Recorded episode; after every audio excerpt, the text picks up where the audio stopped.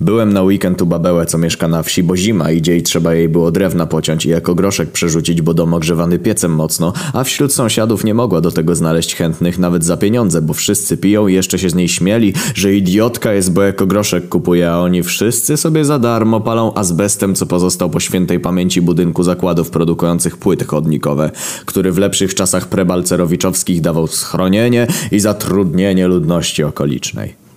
W niedzielę po południu wsiadłem do PKS-u i pojechałem do miasteczka, skąd miałem pociąg do domu. Przychodzę na stację, a tam prawdziwa Sodoma i Gomora, bo tłumy studentów i pracowników firm z kapitałem zagranicznym po weekendzie wracają do Warszawy z domów rodzinnych.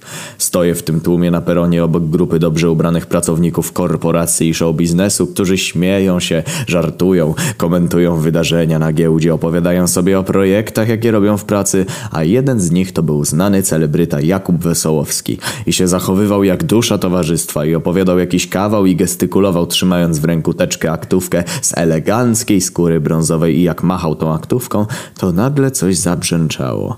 Wszyscy znajomi zamilkli i patrzą na niego. On cały czerwony też zamilkł i tak stoją. On się nerwowo śmieje pod nosem i mówi, że mu matka staruszka dała tam jeden czy dwa słoiki z jedzeniem i on wziął dla świętego spokoju, żeby mu matka dupy nie truła, bo do niej to już nic nie dociera. Znajomi się uśmiechają pod nosem, porozumiewawcze spojrzenia wymieniają, on jeszcze bardziej spięty, nie wie co zrobić i nagle mówi, że jemu te słoiki to nie są do niczego potrzebne, bo on sobie przyjedzie do Warszawy, jeszcze dzisiaj zamówi Chińczyka z dostawą do domu, dostawcy kot poda do furtki od osiedla zamkniętego i mu pod same drzwi przyniesie na czwarte piętro, skąd ma widok na stadion narodowy, jak się dobrze wychyli.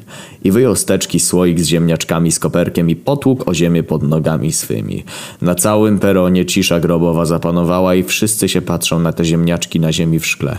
I stoją tak wszyscy w ciszy, czuć napięcie w powietrzu, aż nagle jakaś znajoma Wesołowskiego mówi, że jej też rodzice jakiegoś żarcia tłustego napchali na siłę do torby, ale ona i tak by tego do ust nie wzięła, bo się odchudza i ona sobie prosto z dworca centralnego pójdzie do MG Eat na sałatkę z mango, bo to ma mało kalorii w Kosmopolitanie czytała, że dobrze na paznokcie i włosy działa.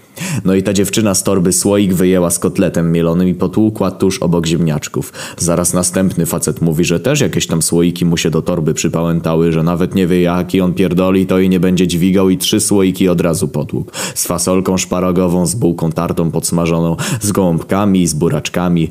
I nagle wszyscy na peronie zaczęli krzyczeć, gdzie to oni nie pójdą jeść jak dojadą do Warszawy, że do indyjskich restauracji albo do włoskich chociaż na pastę i kalcone i te słoiki tłuc. Jeden chłopak ubrany tak skromnie miał słoik taki wielki z 3 litry, a w nim cały obiad prosto z talerza wrzucony. Devolaj, pire, kapusta. Widać było, że mu szkoda strasznie tego jedzenia, ale nie chciał też być gorszy, więc ukradkiem ręką połowę zawartości słoika zagarnął, upchał w kieszeni i potem demonstracyjnie ten wielki słój rzucił na tory, krzycząc, że on pierdoli takie chujowe żarcie i sobie pizzę zamówi z kolegami z akademika na grubym cieście z serem podwójnymi dodatkami egzotycznymi jak owoce morza i oliwki.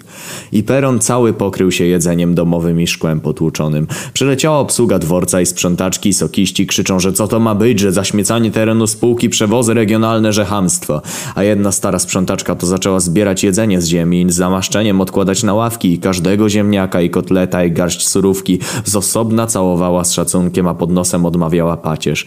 Pasażerowie na nią patrzyli i sobie zdali sprawę, co uczynili, że się odcięli od korzeni swoich poprzez tłuczenie tych słoików i że porzucili wiarę i ziemię ojców swoich prostych i bogobojnych dla potraw zagranicznych i pogoni za stylem życia podpatrzonym w serialach.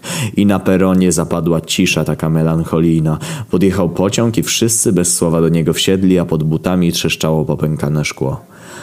W pociągu dalej nikt się nie odzywał, a niektórzy to nawet oczy dyskretnie wycierali. Tłok był straszny, więc siedziałem na podłodze na korytarzu i w pewnym momencie Jakub Wesołowski do kibla przechodził i się przeciskał koło mnie i ukradkiem zobaczyłem, że w teczce jeszcze cztery słoiki miał schowane. Jeden z powidłami, jeden z gryczaną kaszą, jeden z jajkami na twardo, a w czwartym to już nie dojrzałem.